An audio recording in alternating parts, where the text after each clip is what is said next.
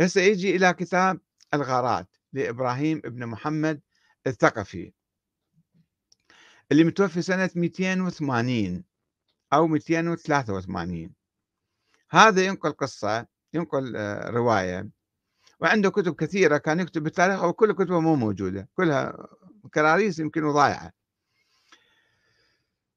ينقل وفي كتاب كتاب لصاحب الغارات إبراهيم بن محمد الثقفي في أخبار السقيفة يروي عن أحمد بن عمرو البجلي عن أحمد بن حبيب العامري عن حمران بن أعين عن أبي عبد الله جعفر بن محمد. قال والله ما بايع علي حتى رأى الدخان قد دخل بيته. هذا الكتاب مفقود.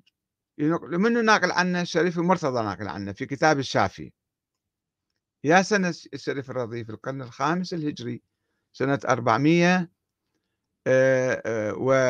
و40 توفى هو يعني السيد المرتضى أو هالتاريخ يعني في القرن الخامس الهجري. فينقل عن واحد عن واحد عن هذا الكتاب اللي ما شايفيه إحنا دي ينقل عن فت كتاب. طبعا تقول لي هذا السيد المرتضى ثقة ما يكذب بس هذا مو بالمنهج العلمي ما يمشون هالشكل. أنه هذا منحاز لنظرية معينة وده يجيب قصص حتى يدعم نظرية الإمامة. وهسه إحنا ما راجعت أنا كتاب الشافعي بالضبط شنو قايل أيضا. المهم دي ينقل عن هذا الكتاب. آه هذا آه آه إبراهيم بن محمد الثقفي. ينقل عن واحد عن واحد عن عن مو حدثنا ولا قال لنا ولا مثلا كذا ينقل أخبار طايرة يسموها. العنعنه هذه من أضعف طرق الرواية. عن فلان عن فلان عن حمران بن أعين عن أبي عبد الله جعفر بن محمد.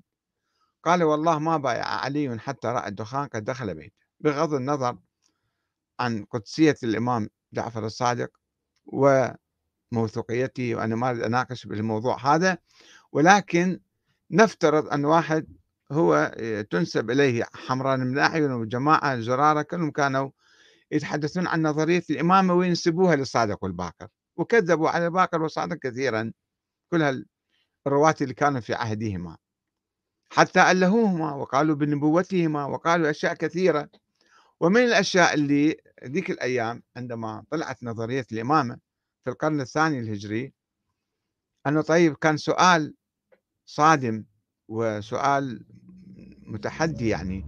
كيف الله يعين الإمام علي خليفة من بعد النبي والإمام علي يروح يبايع أبو بكر وعمر وعثمان؟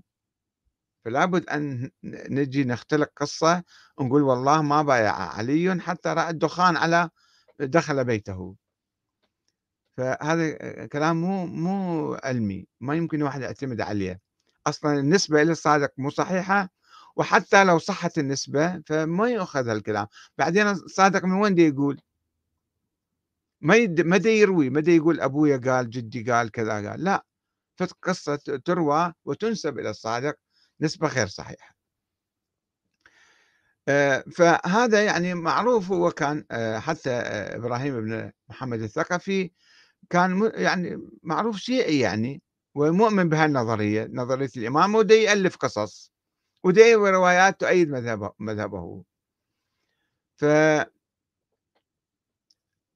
هذه أيضا آه، من يرويها بعد؟ فيقول يعني آه، آه، يروي عن ابن أبي الحديد يروي, يروي ينقل الروايات ويرفضها يقول هذا مو معقولة. ولكن هو بسرعة يقول فلان قال فلان قال إذا صارت صحيح فيقول علي سيد علي الميلاني وأولئك كانوا يتجنبون التصريح بهذه الكلمة.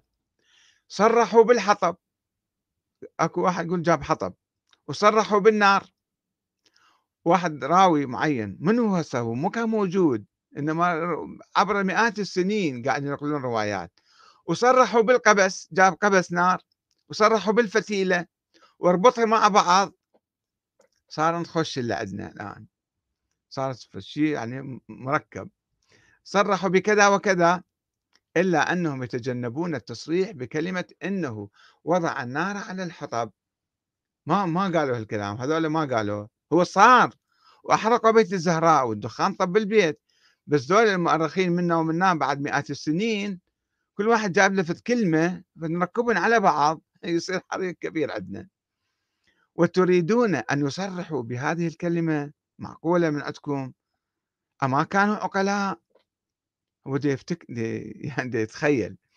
أما كانوا يريدوا يريدون أن أن يبقوا أحياء كان قتلوهم موتوهم فلذلك ما كانوا يتكلمون.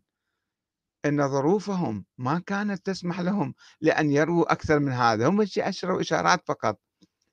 ومن جهة أخرى كانوا يعلمون بأن القراء لكتبهم والذين تبلغهم رواياتهم سوف يفهمون من هذا الذي من هذا الذي يقولون أكثر مما يقولون أنتم بعد أطلقوا لخيالكم العنان ويستشمون من هذا الذي يذكرون الأمور الأخرى التي لا يذكرون.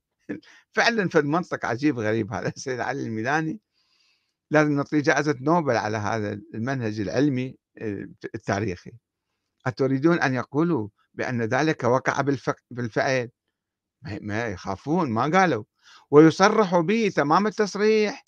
حتى إذا لم تجدوا التصريح الصحيح والتنصيص الكامل تشكون أو تشككون هذا والله العجيب شوفوا شلون شلون منطق يعني أنه هو يجيب له روايات ضعيفة ونتف من هنا وهناك عبر مئات السنين ويركب من هنا في ويصير قصة مسلمة حتمية أكيدة مجمع عليها متفق عليها وأئمتنا قالوا وين أئمتك قالوا؟